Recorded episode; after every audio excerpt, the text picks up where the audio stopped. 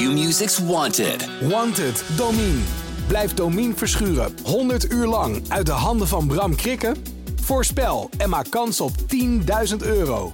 Volg het vanaf 13 mei bij Q-Music.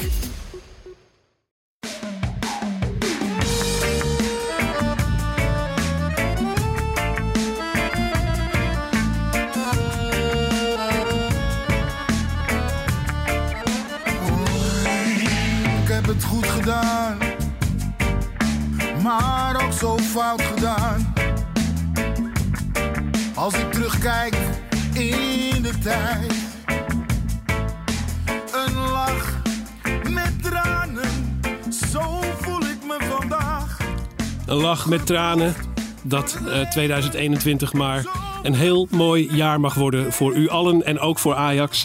Welkom bij Brani, de Ajax-podcast van het Parool en Ajax Showtime. Eh, we staan eh, aan de vooravond van de tweede seizoenshelft. Daar gaan we op vooruitblikken. Eh, op die tweede seizoenshelft in het bijzonder, in het algemeen. En Ajax PSV, de kraker van aanstaande zondag in het eh, bijzonder. Bij mij in de studio zitten Parool Instituut Henk Spaan. Henk, welkom. En eh, Ajax Showtime-redacteur redacteur Thijs Zwageman. Thijs, jij ook welkom. Yes, dankjewel. Eh, we gaan het hebben over die eh, tweede seizoenshelft en natuurlijk over Ajax PSV. Ehm, misschien hoort u al een klein beetje bezorgdheid in mijn stem doorklinken. Want de decemberdip die Ajax de voorbije twee seizoenen ook gehad heeft, dat was de vorige twee keren een december- en januari-dip. Als dat nu weer zo is, dan kan het een hele dure december-januari-dip worden. Maar eh, wie weet valt dat allemaal mee. We gaan het hebben over eh, Ajax PSV. En eh, wat is jullie gevoel daar eigenlijk bij, Henk? Ehm, nou ja, PSV heeft het eh, de laatste weken juist, dat, dat er nog competitie was, juist heel goed gedaan. Eh, ook in Europa. En ehm, spelers die zich pijlsnel ontwikkelen. Eh, je hebt het idee dat die trainer steeds meer grip op die selectie krijgt. Dus het, is echt, het zal echt moeilijk worden. Ja, Thijs? Ja, daar kan ik me eigenlijk alleen maar bij aansluiten. PSV inderdaad stijgende lijn te pakken. Eh, met inderdaad een trainer die gewoon tijd nodig had om zijn filosofie in te passen. En, eh, en spelers die daaraan moesten wennen. Ja, een, eh, een hele manier van spelen die eigenlijk op de schop ging. Dat heeft tijd nodig. Ja, daar zie je een stijgende lijn. Bij Ajax zag je het de laatste weken wat minder worden eigenlijk voor de korte winterstop. Maar mijn gevoel is ook wel dat ik er gewoon heel veel zin in heb. Want in de eerste seizoen zelf hebben we eigenlijk alleen maar die Champions League wedstrijden gehad om naar uit te kijken. En tussendoor waren het allemaal eh, een beetje kleine potjes en eh, mindere affiches. En dan is dit natuurlijk een maand waar je naar uitkijkt. En eh Ajax PSV een hele mooie krachtmeting in het bijzonder, denk ik. Dus ja, ik heb er ook wel gewoon heel veel zin in en ik laat het op me afkomen eigenlijk. Ja, de grote competitiewedstrijden komen nu. Als we een beetje terugkijken naar, nou ja, vrijwel precies een jaar geleden. toen zagen we dat Ajax, ik heb het even genoteerd, in december verloor van Willem II en AZ. Tussendoor was er die hele pijnlijke uitschakeling in de Champions League tegen Valencia Ja. met 0-1. Zoals dat dan dit jaar tegen Atalanta gebeurde. Daar kwam in januari nog verlies tegen FC Groningen overheen. En toen op 2 februari was het dan tijd voor Ajax PSV. En dat was toen eigenlijk een beetje vergelijkbaar met nu, zou je kunnen zeggen. Dat daar de koppositie min of meer verspeeld kon worden. AZ kon dan langs zij komen als die wedstrijd verloren zou worden. Maar Ajax won hem toen met 1-0. Met weinig franje. Ja, ik wil net wel- zeggen, dat was natuurlijk ook bij PSV een totaal andere situatie. Met eh, Van Bommel was toen al ontslagen, toch? En toen was PSV was eigenlijk ja, een beetje een eh, gewond dier, om het maar zo te zeggen. Ja, en ja. Ajax ook met eh, veel blessuregevallen. Dus het was wel een topper, maar inderdaad weinig franje. 1-0, ja, die goal van Promes toen. Dus ik denk dat je dat... wat betreft Ajax is de situatie misschien wat vergelijkbaar, maar PSV staat er wel heel anders voor. Dus eh, ik denk, ja, je kan het niet zo, zo letterlijk denk ik die vergelijking maken. Nee. Zeker door PSV. Maar het voelt een beetje hetzelfde. Hè? Dat, er zo, dat we zo'n beetje op een soort randje van een mogelijke crisis zijn aangekomen als het misgaat. Ja, zeker. En eh, als je kijkt naar eh, ook het verschil in... eh, ja, ik denk altijd maar... PSV heeft die hele snelle jongens voorin. Sahavi is eigenlijk hun enige slechte aankoop. Het is maar zeer de vraag of die eh, gaat meedoen. Maar dan heb je Malen, Gakpo en dan die andere eh, jongen nog, eh Madueke heet die geloof ik. Ja. Eh, allemaal snelle jongens. En Ajax heeft een niet zo snelle verdediging. Schuurs die ehm, komt echt hoe langer hoe meer onder vuur te liggen. Terecht eigenlijk, vind jij? nou ja, hij kost punten. Ja. En hij kost nederlagen in Europa. Die wedstrijd tegen Atalanta, ja, Jezus. Die eh, Zapata, die had vrij spel. Met Blind en met eh, Schuurs. Dus, ehm, nou ja, Malen en Gakpo zijn heel snel. Eh, ze hebben een paar goede passers. Het is, ze gaan zeker op de counter, denk ik, PSV. Ajax zal wel weer hoog druk gaan zetten. Zoals ze gewend zijn te doen. En ja, die jongens, kijk, in het slechtste scenario kunnen ze doorlopen. Het is wat je gisteren bij eh, Chelsea-Manchester City zag. Ehm, eh, gisteren is zondag eh, 3 januari. Eh, een ploeg, Chelsea, die ook steeds maar druk zet, druk zet. En ja, zogenaamde restverdediging, die is er niet. En daar heeft Ajax ook problemen mee. Ja. Is het eigenlijk zo dat Daily Blind goed is en Per Schuurs goed is, maar dat vooral de combinatie van die twee eh, niet lijkt te werken en veel punten kost? Ja, ja ik denk dat je dat, wel, eh, dat je dat wel zo kan stellen. Terwijl eh, wat ik jammer vind is dat in de voorbereiding heb ik het nou, nou gevolgd. En toen zag ik eigenlijk in Schuurs en Blind wel een heel goed duo. Het enige waar ik bang voor was, was die snelheid. Aangezien ja, van Blind weten we dat allemaal. En Schuurs die leek mij niet heel snel. Toen zei Ten Hag wel een keer dat hij op basis van testen de derde snelste van de selectie was. Dus ik dacht, nou ja, die testen zullen niet liegen. Dus eh, dan kan dat weer een beetje compenseren. Want het is altijd wel lekker als je iemand hebt die in ieder geval wel de gaten dicht kan lopen. Mocht de, mocht de bal een keer Nou ja, misschien is hij wel snel eh, over Langere 20 meter. ja. Maar Op de eerste meter sowieso Op de. 2 meter is hij Nee. niet snel. Nee. En hij is heel slecht in 1 tegen 1 duel. Ja, ja. En dan lijkt je natuurlijk traag als iemand er langs flitst. Mhm. Ja, daarom ogenschijnlijk ziet het Ja. er zo uit. Ja. Maar wa- wat wel eh, een heel groot voordeel van het duo Blind-Schuurs kan zijn, zijn natuurlijk allebei hun voetballende kwaliteiten. Ja, van Blind nogmaals, dat is eh, totaal bekend natuurlijk. Maar Schuurs die heeft dat ook heel erg in zich om eh, een bal tussen de linies in te spelen en daarin ook risico durft te nemen. En dat ging toen in die voorbereiding supergoed aan het begin van het seizoen ook wel. En nu nog steeds laat hij dat ook wel zien. Dus dat is natuurlijk wel echt een wapen in plaats van dat tegenstanders zich eh, afstellen op Ajax en blind helemaal vastzetten. En dat je dan een mindere opbouwer daarnaast hebt staan. Dan is het natuurlijk lastig voetballen. Dus wat dat betreft is het duo Schuurs-Blind eh, eh, kan het goed zijn. Maar in verdedigend opzicht zijn ze zeker niet eh, complementair aan elkaar. Zou je misschien eerder denken aan bijvoorbeeld Jurjen Timber. Die iets eh, atletischer van zichzelf is. Ook juist wat, eh, wat Henk net aangeeft op die eerste meters. Wat, wat, wat sneller is. Of bijvoorbeeld eh Alvarez. Die zou ik ook wel eh, gewoon een keer als, als centrale verdediger willen zien. Waarvoor we eigenlijk dachten dat hij gehaald was. Maar waarvoor hij eh, niet in- tot nu toe de kans heeft gekregen natuurlijk. Ja. Hij is die- zeker gehaald voor de as. Ja, ja, en die verdedigend eh, vind ik hem wel een, eh, een ja, degelijker indruk maken dan Schuurs. En ook, Ja. ook meer een mandekker dan Schuurs, die toch ja, daarin sowieso de laatste weken cruciale fouten heeft gemaakt. Alvarez was een- eigenlijk de nieuwe De Licht en in, in zekere zin de nieuwe Magajan eigenlijk. Ja, was eh, een beetje eh, centraal, als, op, als centrale verdediger eh, gehaald. Eh, van jou is bekend, Henk, dat je een Alvarez verdediger bent. Nou, ik Eh, vind, eh, ik verdedig hem ook omdat hij zo op oneigenlijke gronden wordt aangevallen door Jan en Alleman. En eh, zo slecht is hij niet. Ik bedoel, eh, hij heeft inmiddels 35 interlands. Denk ik, op 23-jarige leeftijd voor Mexico. Ja. Eh, speelt in de as bij Mexico met punten achteren. Wat voor hem ook wel een goede positie is. Ehm, nou, hij speelt bij Mexico. Hij heeft in, tijdens het WK rechtsback gespeeld. Hij speelt daar ook wel op veel plekken. Omdat hij veelzijdig is. Dat was in het begin met Rijkaard ook een probleem. Moet hij nou op het middenveld of moet hij, eh, eh, moet hij achterin? Maar Alvarez... Ja, ik denk dat eh, Ten Hag het helemaal niet in hem ziet zitten. Dat hij, dat hij hem ook echt niet centraal achterin gaat proberen. ja, daar begint het wel heel erg op te lijken in elk geval. En de kans dat hij als centrale verdediger zal spelen zondag lijkt me klein, toch? Ja, Dat- dat ja gaat, want eh, ik, eh, ja, ik had daar laatst ook een stuk over geschreven, wat hier ook een beetje op ingaat over Alvarez. Is dat hij wordt eigenlijk beoordeeld op de dingen die hij niet, die die niet kan. Maar ja, het feit dat hij op het middenveld wordt gezet.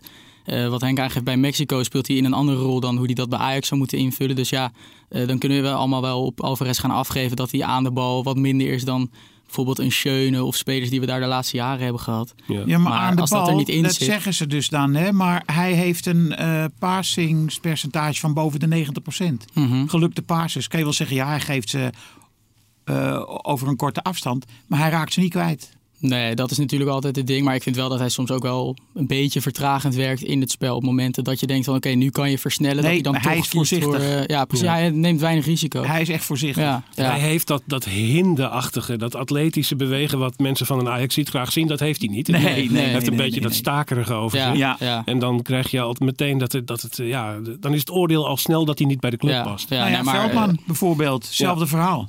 En die Ja. zag ik gisteren toch ook spelen. Die was echt heel erg goed hoor. Ja. Ehm, eh, 3-0 achter bij rust. Eh, aan de andere kant vielen gelukkig de doelpunten niet aan zijn kant. 3-3 eh, in de tweede helft. Maar Veldman had dat ook. Blind in het begin had het ook. Ja. We Dat- zitten nu al een beetje concreet te denken hè? hoe Ajax zich moet wapenen nou eigenlijk tegen dat spel van PSV. Want het begint toch weer een ploeg te worden die eigenlijk een soort voetbal speelt waar Ajax heel slecht bij gedijt over het algemeen. Zoals we dat eh, ook bij een van de eerdere clubs eh, van eh, meneer Schmid gezien hebben. Hè? De ja, Red Bull. Salzburg. Dat is een, een klein trauma, mogen we wel zeggen. PSV begint zich ook te ontwikkelen tot zo'n ploeg. Wat is het precies dat Ajax zoveel pijn doet aan dat spel?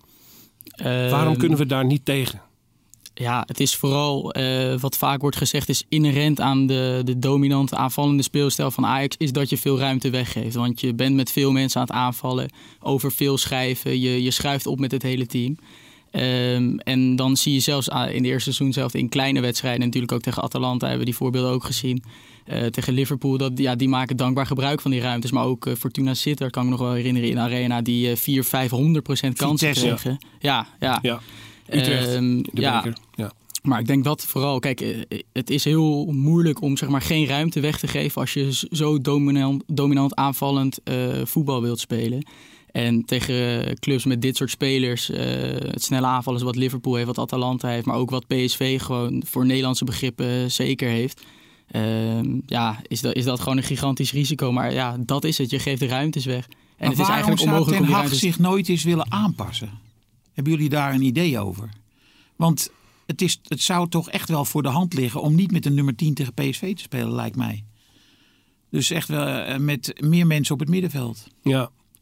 Het was toen tegen Red Bull Salzburg eigenlijk ook. We werden onder de voet gelopen, de eerste wedstrijd. En toen dacht iedereen, nou dat gaat ze in de tweede wedstrijd toch niet nog een keer gebeuren. Maar het gebeurde gewoon opnieuw. 90 minuten lang eigenlijk. Ik vond wel, Eh, eh, Frank de Boer die zei daar, eh, volgens mij Voetbal International, maar iets anders. Hij zoomde nog een keer daarop in. En toen zei hij ook van, ja, die heenwedstrijd, we wisten niet wat ons overkwam. Want ja, Ajax wil opbouwen, nou ja, dat kon niet. Dus hij zei, we hadden erop ge- getraind dat in de return snel lange bal kiezen. Maar zelfs dat dat dus niet, niet kon, want de eerste bal ging nog naar een centrale verdediger.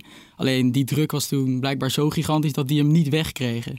Kan je ook afvragen of de keeper hem dan niet in één keer lang moet geven. Of eh, zijn natuurlijk altijd weer andere manieren voor. Ja, maar maar, die zijn wel, eh, maar- maar, eh, ik zag laatst eh, bij Ajax lange ballen op Tadic. Ja, nee, dat heeft helemaal nee, geen enkele nee, zin. Nee. Nee. Want die heeft de snelheid niet. Mhm. en, eh, maar een lange bal op Labiat heeft ook helemaal geen zin. nee. Dus eh, je kan tegen PSV wel proberen een lange bal te spelen, maar dat is het niet. Je moet zorgen dat je, ja, je moet eigenlijk gewoon behoudender voetballen. Ja. Lijkt mij. Dan wordt er altijd door trainers gezegd, we moeten er onderuit voetballen. Maar ja, dat is makkelijker gezegd dan gedaan. Mhm. Ja. Eh, hè, dat, eh, als, dat, als het zo simpel was en je dat dan eventjes kon doen, dan zouden we het natuurlijk doen. Nou, ik gisteren bijvoorbeeld, of ik zeg weer gisteren, maar ik weet niet wanneer dit eh, eh, online Straks is. Maar in ieder geval afgelopen zondag zat, er was Chelsea Mount. Hè, Mount, een door vele mensen zeer gewaardeerde middenvelder. Maar die was dus aan het druk zetten tegen, tegen Manchester City. Nou, die kunnen er onderuit voetballen. Die jongen die werd echt helemaal van het kastje naar de muur ges- gestuurd. Eh, samen met eh, Kante en eh Kovacic eh, daarnaast hem. En dat eh, lukte totaal niet. En ehm, ik heb het idee dat als PSV eh, druk gaat zetten en omgekeerd, het, het is gewoon moeilijk om, om zo snel te combineren. En met Schöne kon dat wel, hè? Bijvoorbeeld. Ja. Maar ik zie het nu niet met Davy Klaassen en, ehm, en ik weet niet wie de... ja, Gravenberg. Nou ja, dat is ook niet een jongen van de hele snelle beslissing eh, op, op, een, op een kleine ruimte. Dus dat is gewoon hartstikke moeilijk. Heel belangrijk ook het uh, meespelen van Kudus hè, zal daarin worden. Want ik denk wel als je een Gaat middenveld... Hij meedoen dan? Nou, hij heeft nu sowieso de training hervat. Het lijkt me, kans lijkt me klein dat Ten Hag hem gelijk laat starten. Dat verwacht ik zelf eigenlijk niet. Maar stel dat dat wel gebeurt en dat je gewoon uh, gaat kijken. Hij traint al voor de winterstop trainde hij ook al mee. Dus dat je gewoon, stel je stelt hem wel op en kijk hoe lang hij het vol kan houden bijvoorbeeld. Maar als je een middenveld met Klaassen, Gravenberg, Kudus... dan kom je al uh, in mindere mate Klaassen. Maar zeker Kudus en Gravenberg zijn wel bewegelijke types... die ook wel uh, uh, oog hebben voor de ruimte tussen de linies. En dat zijn wel types die gewoon essentieel zijn... om er wel onderuit te kunnen spelen. Ja, Kudus dat is heel belangrijk. echt gewoon heel goed voetballen. En ook uh, Die weet precies waar hij zich aan moet voorbij. bieden. Ja, ja, zeker. Snel draaien, kort draaien. Ja. Wat Gravenberg natuurlijk ook heeft. Die heeft, wat je net ook al zei, wel iets minder zicht op waar hij zich het best kan aanbieden. Maar als hij onder druk wordt aangespeeld, kan hij wel kort draaien. Kan hij met zijn fysiek die bal afschermen. Dus dat zijn juist wel types waarmee je, ja, om het zo gezegd, er onderuit zou kunnen spelen. Ja, dat maar denk geen wel. hele snelle beslisser aan de bal. Dat Nee. wat ik al zei. Nee, nee. Als we naar dat teamnieuws kijken. Hè, we hadden Kudus, eh, Neres en Mazraoui waren licht geblesseerd. Die zijn weer beschikbaar zoals het er nu uitziet. Eh, of dat ook betekent dat ze in de basis starten is natuurlijk vraag 2. Maar ze zijn beschikbaar. Eh, zeer onzeker zijn vooral nog de spitsen. Traoré en Ja. Brobby. Allebei geblesseerd en die halen het misschien wel niet. Wat gaan we doen? Thijs, vind jij? Wat, wat is, wat, hoe kan Ajax PSV pijn doen, zoals dat in jargon dan heet tegenwoordig? Ja, ja het, eh, even, ik zit even hardop ook te denken. Ja, als je die, eh, die jongens niet hebt, dan zal het of Labiat of Tadic dan, eh, dan in de spits worden. Ehm, ik denk dat, ja, wat ik net al aangaf, het meespelen van Kudus is in mijn ogen wel echt, eh, echt heel belangrijk. Omdat stel als Labiat op 10 staat, die heeft ook iets minder die bewegelijkheid en dat continu aanspeelbaar zijn. Eh, die houdt er ook wel van om zich iets meer te verstoppen en dan net onder een spits eh, bijvoorbeeld op te duiken. Ehm, ja, verder is het natuurlijk wel met Tadic in de spits gebleken dat dat ook wel een man is waarmee je wel kan voetballen. Die zich zeg maar, met de bal aan de voet ook wel als aanspeelpunt kan fungeren. Dus dat zou dan mijn voorkeur hebben. Ehm, en dan ja, hopen dus dat Neres eh, ook gewoon kan starten. Dat je met, eh, met Anthony en Neres ook eh, individuele klassen op de vleugel hebt staan. Tadic, als hij op links staat, is ook meer een man die, die ondersteuning nodig heeft. En dan in de combinatie van grote waarde kan zijn. Maar ik denk het, het waar A- Ajax het meest aan zou kunnen hebben als je echt een fysiek sterk aanspunt als uh, Traoré of Brobby niet beschikbaar is, is Tadic eh, in de spits die zich ook meer tussen de linies aan kan bieden. De Champions League variant. Ja, daar dynamisch kan zijn met een Kudus, met Gravenberg, met ook Klaassen die natuurlijk wel eh, al een heerlijk gevoel heeft voor het bespelen van de ruimtes. En dan eh, ja, op de vleugels Neres Anthony. En ja, je noemde hem net al eventjes Masraoui. Ik denk dat dat ook heel belangrijk is dat hij weer terug is. Want dat zagen we met Kleiber natuurlijk een prima stand-in voor eredivisieniveau. Maar in voetballend opzicht duurt het allemaal net een slagje langer. Eh, eh, ook een minder snelle beslisser en denker daarin. En Masraoui had gewoon een heel hoog niveau eh, gehaald tot nu toe dit seizoen. Dus dat meespelen is belangrijk. Ook in het kader van onder druk uitspelen. Ja. Maar dan, eh, ja, wat nu helemaal opkomt, is denk ik gewoon Tadic in de spits. Nou, dat is het zwakke punt bij PSV. Is, eh, ze hebben die backs die verschrikkelijk goed opkomen. Die Mhm. levensgevaarlijk zijn als ze opkomen. Maar eh, ze kunnen niet de hele wedstrijd door, maar, maar op tijd terug zijn.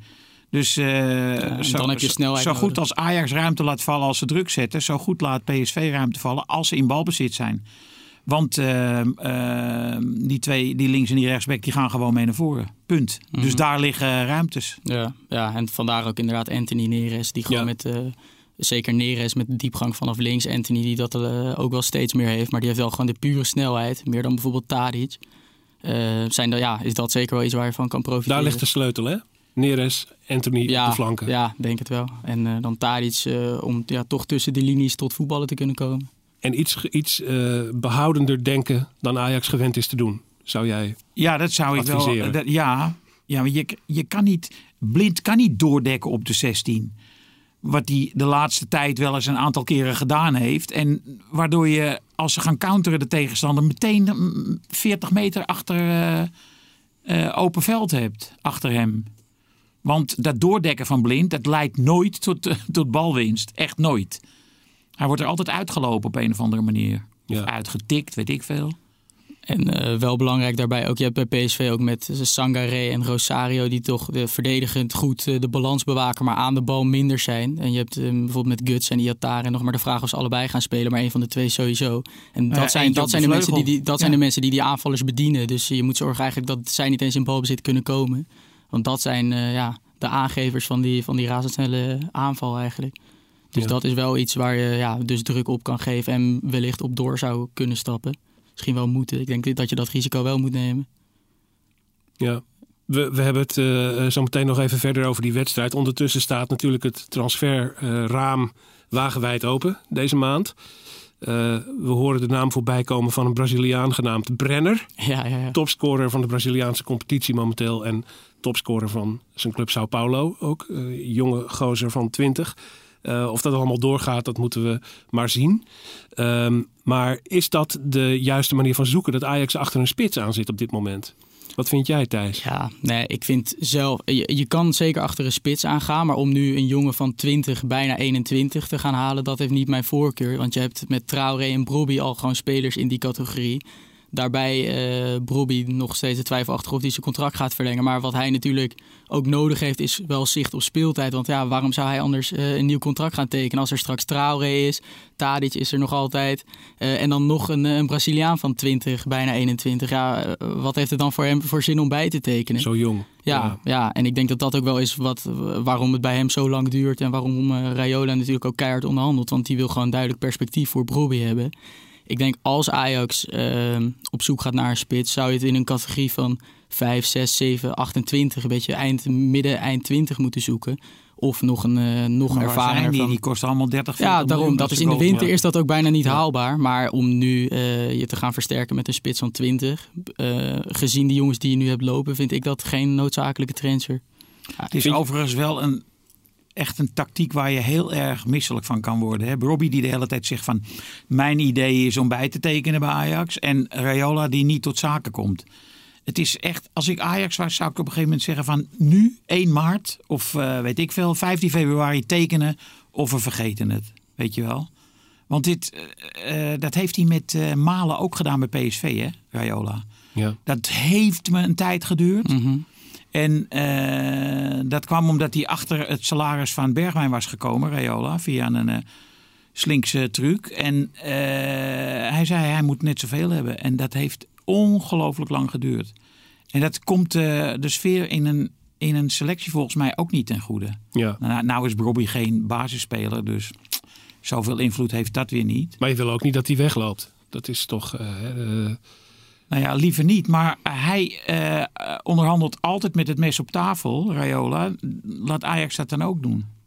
ja. ja. Vind jij dat die spitspositie überhaupt de positie is waar Ajax zich op moet richten op de transfermarkt? Of zijn er andere posities die eh, pijnlijker zwaktes vertonen? Nou ja, kijk, eh, Ten Hag ziet het niet zitten in Alvarez. Dan moet je toch ook wel naar een rechter centrale verdediger kijken.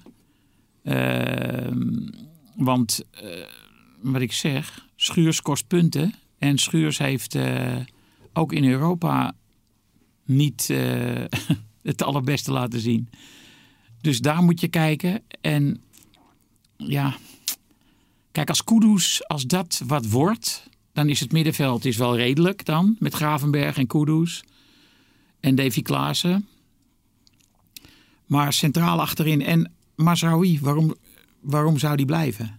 Dat loopt toch ook zo onderhand eh, een beetje af. En die speelt de pannen van het dak.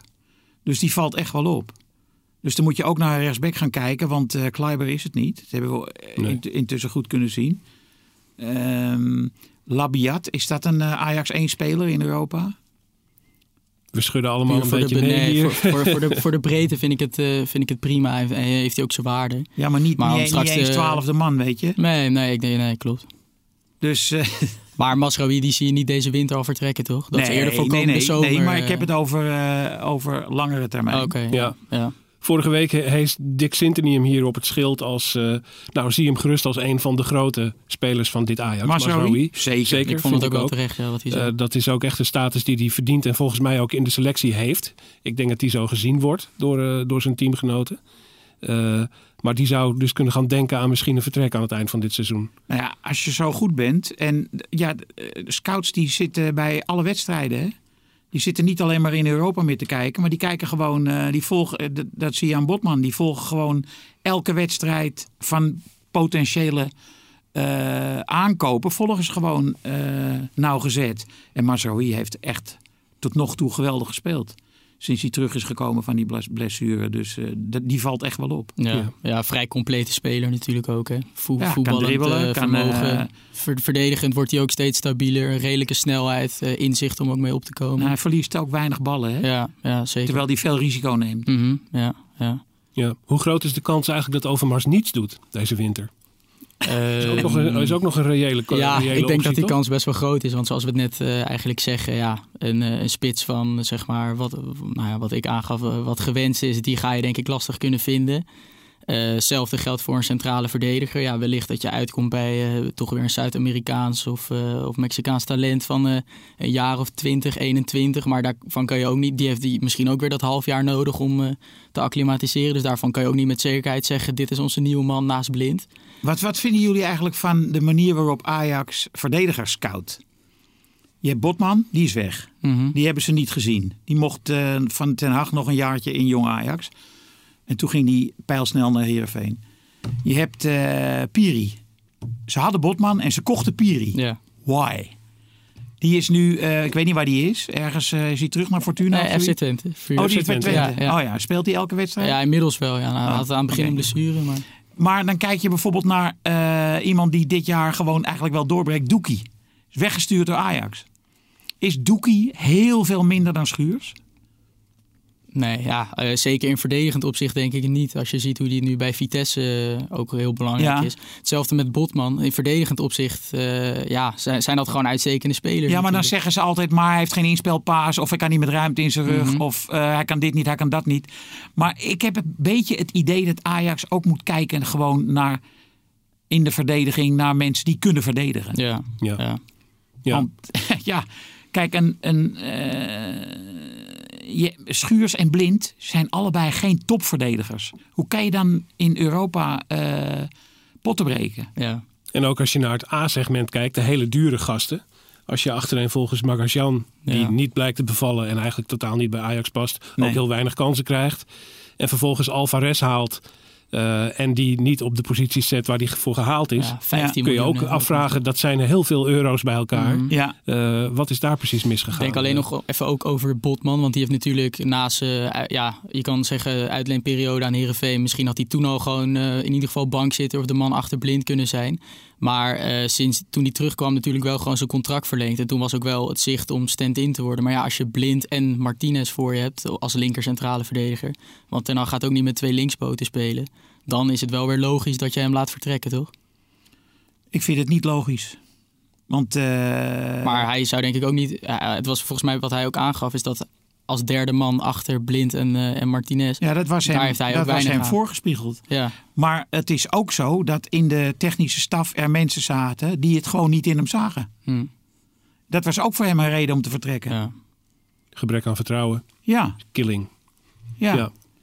Ja, Terwijl eh, de- in mijn ogen is dat gewoon verkeerd gezien. Ja, ik denk zeker dat hij ook eh, gewoon Ajax 1 niveau natuurlijk aan kan. En eh, stel dat je daar, daar dan een type als ja, Blind, is dan linksbenig. Maar dat kan natuurlijk een goed duo zijn.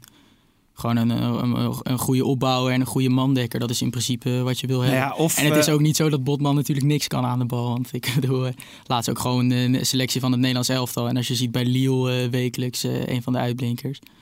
Dus eh, die kan ook al gewoon eh, het middenveld inspelen. En dat heeft hij in de Ajax-jeugd ook al gewoon... eh, ja, is hij daarvoor Nee, opgeleid. eh, Dus eh, Sinds die keer dat hij eh, in zijn uppie ongeveer die Future Cup won, Botman, dacht ik van, nou, het bestaat niet dat hij niet doorbreekt. Kan je je herinneren? ja, ja. maar het is niet gebeurd. toen. nee, nou ja, niet bij Ajax uiteindelijk. Nee. Als je het dan hebt over wat er doorkomt vanuit de jeugd. Jij hebt deze week een, een heel eh, interessant verhaal eh, geschreven op Ajax Showtime over eh, de grote talenten in de Mhm. jeugd. Ja, Eh, jongens eh, zo'n beetje tussen de 15 en de 17 jaar oud. Eh, die zitten dus al, daarvan zitten er een paar al misschien een beetje tegen het eerste team aan. ja, ja. Jullie hadden deze week ook een stuk over wie het bij Jong Ajax het beste doet. Klopt.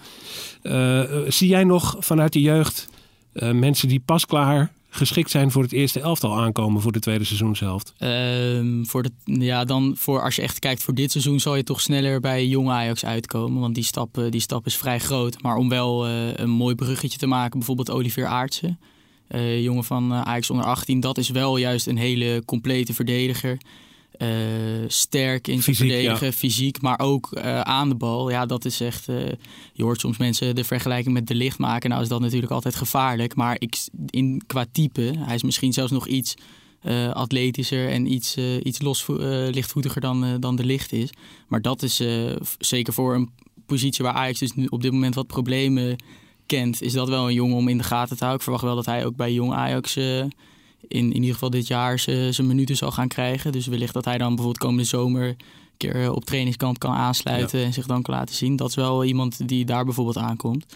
Maar eh, ja, jongens die nu al vanuit de jeugd echt de stap gaan maken. Toevallig ook Christian Linson. Die had ik dan niet in dat stuk meegenomen, omdat hij ook bij Jong Ajax al laatst heeft gedebuteerd. Maar is een eh, IJslandse jongen die nu eh 16 jaar is. En die heeft eh, al nu ook een paar keer mee- meegetraind met het eerste elftal. Dus dat is dan misschien wel iemand die er sneller aan zit te komen. Al is dat met de concurrentie op het middenveld ook niet eh, voor de hand liggend dat hij heel snel bij het eerste echt zou aansluiten. Maar die zit daar wel wat korter op op dit moment. Hey Thijs, en wat is er met Univar aan de hand? Ja, dat, eh, dat is ook lastig om te zeggen. Ja, hij eh, was vorig jaar eigenlijk al, verraste mij wel dat hij bij Jong Ajax eigenlijk het zo snel oppikte. En eh, toen kreeg hij natuurlijk ook zijn kansen bij het eerste, zijn debuut gemaakt. Maar sinds dit seizoen, eh, eigenlijk de laatste weken wel weer iets meer hoor. Maar aan het begin van het seizoen was hij geen schim van de Nee, dominante maar is er speler. een en oorzaak voor of weten jullie dat niet? Of, eh, Nee, nee, nee dat, dat, eh, dat durf ik echt niet te zeggen. Ik, aan het begin, terugval. ja, aan het begin van het seizoen heeft hij wel wat problemen gehad met fitheid. Misschien dat hij ook door die lange coronastop... eh dat zijn lichaam daar moeite mee heeft gehad... om, om weer vervolgens eh, in goede conditie te komen. Dat dat langer heeft geduurd. De laatste weken voor de winterstop was hij wel weer eh, beter. Bijvoorbeeld ja, tegen de Graafschap. Kan ik me nog wel, dat staat me dan nu het meest eh, voor de geest. Daar was, hij wel, daar was hij wel weer beter. En het is te hopen natuurlijk dat hij zijn- niveau ook weer snel oppakt. Maar hij is eigenlijk wel een beetje voorbijgestreefd door Taylor in, zeg maar, in de mate van prospect. Ja, ja, ja. Nu is natuurlijk de voetbalwereld ook een... eh, Nou goed, Een wereld waarin dat snel kan gaan. Maar ik denk dat de voornaamste oorzaak zal fitheid zijn geweest. En, maar dat heeft natuurlijk alsnog dan te lang geduurd. Want dan zou je denken dat duurt eh 1 à 2 maanden. Dat heeft zeker bijna de eerste eh, seizoen gewoon geduurd. Dus Het kan is te heel heilzaam geweest. zijn als er 7,5 jaar niemand het over je heeft. Ja, ja, dat is op dit moment wel aan de orde natuurlijk met die jongen. ja, ook dat. Klein beetje, klein beetje vergeten talent Ja, eh, begint ja, hij langzaam ja. te worden. Hetzelfde met, eh, met Sontje Hansen. Die heeft ook eh, Ja. vorig jaar natuurlijk al zijn debuut gemaakt. Ja. Nou, topscorer van de 2K toen geworden. Maar die terugval is niet zo groot als die van Univar. Nee, en hij had dan ook eh, duidelijker dat hij moest een keer in quarantaine. En, eh, en daar echt duidelijkere problemen mee. Dat je dan, ja, dan lig je er gewoon twee weken uit. Ja, dan is het natuurlijk lastig om weer terug te komen. Maar die eh, zat de laatste weken ook gewoon op de bank bij Jong Ajax. Ja. Maar ja, het is meer omdat Unifor natuurlijk al jarenlang eh, wordt bewierookt. En, eh, en heel veel, eh, een hele grote toekomst wordt voorspeld. Dat is dan inderdaad opvallender. Hoewel Hansen natuurlijk ook wel echt een toptalent is. Ja. Maar het is te hopen dat zij, ja, voorlopig eh, hebben zij bij Ajax 1 nog op dit moment niks te zoeken. En het is te Nee. hopen dat ze snel bij Jong Ajax weer Nee. gewoon allebei basisspeler worden en, eh, en die ploeg bij de hand gaan nemen. Want dan kunnen ze wel weer, dat zijn spelers die natuurlijk in de tweede seizoen wel weer iets voor Ajax zouden kunnen betekenen. Ja. En moet eh, Ajax niet gewoon Danilo terughalen? Dat kan toch in de winterstop? Met, de, met de vingers knippen en hij komt. Ja, hè? ja. Die, die speelt toch gewoon eh, echt heel erg goed.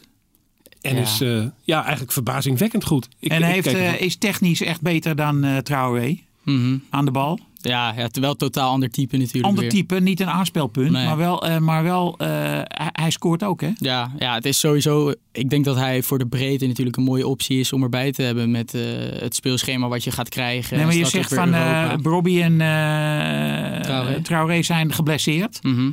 Ja, eh, er is een transferperiode. Waarom, waarom zou je hem niet halen? ja. Misschien dat Ajax aankijkt of het wil lukken met een aankoop. Ja, dat en ze daar dan eventueel eh, alsnog eh, met de vingers knipt en hem terughaalt. Hoe het ook zij, eh, talenten aankopen. Het zal zondag moeten gebeuren met wat we nu hebben. Ja, ja. Eh, iets, eh, iets wezenlijk nieuws zal daar niet bij zijn. PSV zal verslagen moeten worden met de spelers die op dit moment tot de selectie van, van Ajax 1 horen. Om het plaatje even rond te maken, laten we nog even kijken naar een aantal ex-Ajax jongens. Henk, jij bent altijd erg begaan met het lot van Donny van de Beek in Manchester. Oh, dit is echt erg. Dat ja. is toch verdrietig. Ja, Daar zijn we allemaal een beetje sip van, ja. volgens mij. Nou ja, Pogba is nu in topvorm. Hè. Die, speelt, die speelde, af, ik, de laatste wedstrijd die ik zag, twee, twee dagen, twee, drie dagen terug, speelde niet heel erg goed Pogba. Eh Fernandes is werkelijk onaantastbaar natuurlijk, als nummer 10. Nou ja, en dan heeft die eh, trainer de keuze uit eh eh, Matic en, en McTominay, twee schoppers. Als ik het zo brutaal mag eh, Ja. zeggen. Maar die McTominay die ging opeens ook scoren. Nou ja, dan is Donny natuurlijk, eh, die zal het met heel veel eh, angst en beven hebben aangezien. Dat als zelfs McTominay daar in scoring, scoringspositie kan komen en die maakt ze. Dan heeft hij gewoon, hij, hij is volgens mij in de laatste drie wedstrijden ook helemaal niet meer ingevallen. Nee, klopt. Ja. Dus dat is een, eh, een probleem. Wegwezen? Of eh, Nou ja, ik las vandaag dat Pogba verkocht zou worden. Nou goed, dat geeft dan weer wat, wat meer speling. ja. Ja goed, wegwezen is ook wat. Hij verdient natuurlijk eh, verschrikkelijk veel geld daar. En eh, waar zou hij naartoe moeten? Ja. Ja. In Engeland eh, hebben de clubs over het algemeen wel vrij goede middenvelders. En een stuk of zeven, zes ja. in de selectie. En zie je, Thijs? Ja, dat is, eh, die was natuurlijk weer fit na een tijdje. Maar dat was geen, geen beste wedstrijd. Niet per se ook van hem. Maar eh, natuurlijk, ja, net ook al aangeschreven. City dat daar gewoon compleet eh, over Chelsea heen walste. Ziyech was wel eigenlijk de enige die een beetje kon voetballen. Ja, ja, en die nog wel eh, ook iets probeerde met, eh, met eh, snelle voorzetten. En, eh, en wel vaak aan de bal kwam. Maar ja, die, En heeft, die, die speelde nu met die uh, Aspilicueta achter hem. Mhm. Die andere jongen, die jonge jongen, die James. back. Ja, die is gewoon tien keer beter. Mhm, ja. Tenminste, in het samenspel met, eh, met ja, Ziyech. iets aanvallender. Want Ziyech die kreeg helemaal geen ballen. Mhm. Maar eh, wat, we, wat ik bij Ziyech normaal gesproken... is natuurlijk nu twee keer geblesseerd geweest... maar wat ik wel eh, normaal gesproken mooi om te zien vind... is hoe dominant hij ook gewoon bij een Chelsea gelijk is. Ja. En dat al die ploeggenoten, ploeggenoten ook wel weten van... eh, Ja. lever die bal maar bij hem in en Ja. dan doet hij er wel wat Laat hem de Dat- vrije trap maar nemen. 40 meter over ja, het doel. Ja. Nee, maar ja, dat, eh, dat is wel een status die hij toch alweer heeft in zo'n Dat ploeg. trekt hij meteen Ja, naar zich toe. dat, is eh, bijna, dat is, bijna dat is wel heel leuk om te Ja. zien. Hij Ja. werd wel afgemaakt hè, door Graham Souness gisteren. Ziyech. Maar wat zei Ja. ze? Eh, nou, hij had die vrije trap genomen Ja. in de muur. En uit die eh, afgeslagen aanval kwam dus de goal. Mhm. En Ziyech verdedigde niet mee. Oh, Die bleef een beetje eh, ja, ja, om ja. zich heen staan kijken. Ja, is gevaarlijk. Dus die Souness die... eh, Dat is dan toch misschien net omdat hij net weer fit is en dat nog Zou net kunnen, niet helemaal op kan brengen. Ja. Want bij Ajax viel hij juist op dat hij altijd ook keihard mee nee, dat vond ik ook. Ja. En Eh, vreselijk veel meters maken. Ja, altijd rechts achterin was hij... eh, eh, elke linksback ging die achterna. Op het einde. Hè? Ja. Mhm. Nou ja, Engeland ligt nog niet aan, aan hun voeten. Nee, Gisteren nee. maakt Frenkie de Jong een goal voor Barcelona. Dat is op zich al eh nieuwsfeit. Hè? Hele krante headline. goal. Hij maakt Mooie goal. Ja, zeker een mooie ja, goal. ja. Maar hij maakte niet veel. Eh, eh, dat is eh, ook nog niet helemaal wat we allemaal gehoopt hadden natuurlijk. Eh, de hele club niet, maar ook Frenkie misschien niet. Eh, hoe kijk jij daarnaar? Ja, nee, klopt wat je zegt. Het is, eh, ja, Barça staat natuurlijk gewoon in de fik. En, eh, en zowel voor, ja, vorig jaar zijn eerste jaar natuurlijk gehad. En dit jaar ook eh, wel wat wisselvallig. Maar ja, Frenkie is wel een speler die zeg maar, niet in zijn eentje het verschil voor een ploeg gaat maken. En wat je net ook al aangaat, hij maakt weinig goals. Dus hij gaat niet letterlijk de wedstrijden voor je winnen. Hij kan andere jongens in stelling brengen. En die moeten zeg maar, het vervolgens gaan beslissen. Eh, wat je natuurlijk wel van hem kan zeggen is dat hij eh, zeker eerste seizoen zelf niet zo dominant geweest is als hij kan zijn met dribbles en ballen opeisen en het spel verdelen. Maar ja, tegelijkertijd is dat natuurlijk in een stroefdraaiend elftal ook gewoon heel erg lastig. En bij Barça ook vaak het probleem, toch een beetje gebrek aan diepgang in de aanval. Moet vaak van de backs komen die er dan eh, overheen klappen. Ja, dus dan, maar de- het is gewoon heel erg lastig voetballen voor hem. En dan, ja, zoals gisteren, eh, ja, is gewoon Maar hij komt wel meer in de 16, vind ik hoor. Ja, ja, zeker. Hij heeft een, Ja. door Koeman een vrijere rol gekregen. Mhm. Ja, ten opzichte van vorig jaar Ja. absoluut. Vorig jaar moest hij controleren. Ja, ja. Ja. Dus eh, dat is voor hem ook alleen maar goed geweest. En die goal, eh, dat is natuurlijk hartstikke leuk en, en een hartstikke mooie goal ook. Dus ja, hopen dat zich dat de komende weken toch weer wat door kan zetten. Maar hij heeft daar wel gewoon de andere jongens om hem heen voor nodig natuurlijk. Ja. Dat is, eh, ja, zo'n speler is het wel. Bij Frenkie blijf ik heel sterk het gevoel houden dat het met hem goed komt. Daar. Zeker. En met. Donny, eh, met Donny van de Beek. Ja, nou, en Frenkie, ondanks dat hij dus niet altijd overtuigt, speelt hij natuurlijk wel gewoon alles. Ja. En dat, dat is al gewoon een prestatie op zich op deze leeftijd nadat je zo'n transfer hebt gemaakt. Eh, bij een club die moeizaam draait. Ja. En eh, ja, bij Donny is dat natuurlijk nu, ja, zeker de laatste weken, dus als hij zelfs al niet meer invalt, dan begint het natuurlijk wel heel zorgwekkend te worden. Ook met het oog op een EK natuurlijk komende zomer. Toch is hij populair hoor bij eh, fans. Ik kijk wel eens eh, online naar eh, f- eh, van die fans, eh, fankanalen. Ja, Ik weet, ik weet niet hoe ze heten. forums of zo. Hè? Ja, van die forums. Waar ze Ja, dat, eh, van, bij- van elkaar United. Forums. Maar Ja. die, eh, die Donny die staat er wel goed op bij die mannetjes met die brillen en die kale hoofden. Ja, ja, ja, dat wel. Ja. Eerst Ajax Die- PSV. die- Eh, we gaan kijken wat dat wordt zondag. We gaan niet vanuit dat Ajax dat wint natuurlijk en dat we de koppositie behouden. Vergeet niet te kijken naar die prachtige uitzendingen van andere tijden sport over 1995. Is erg goed voor je humeur. Wie dat nog niet gezien heeft, haal ze terug op uitzending gemist. En eh, Brani is er volgende week weer. Dankjewel voor je komst. Thijs Wageman, dankjewel voor je komst. Henk Spaan, Tot je we zien elkaar snel. Tot volgende week.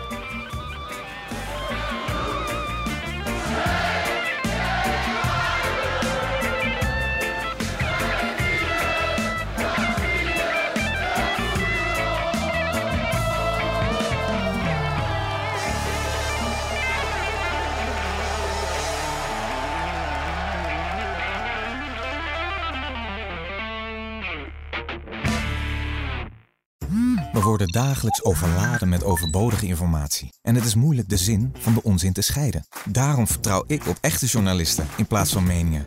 Een krantenmens heeft het gemakkelijk. Word ook een krantenmens en lees je favoriete krant nu tot al zes weken gratis. Ga snel naar krant.nl. Bezorging stopt automatisch en op deze actie zijn actievoorwaarden van toepassing.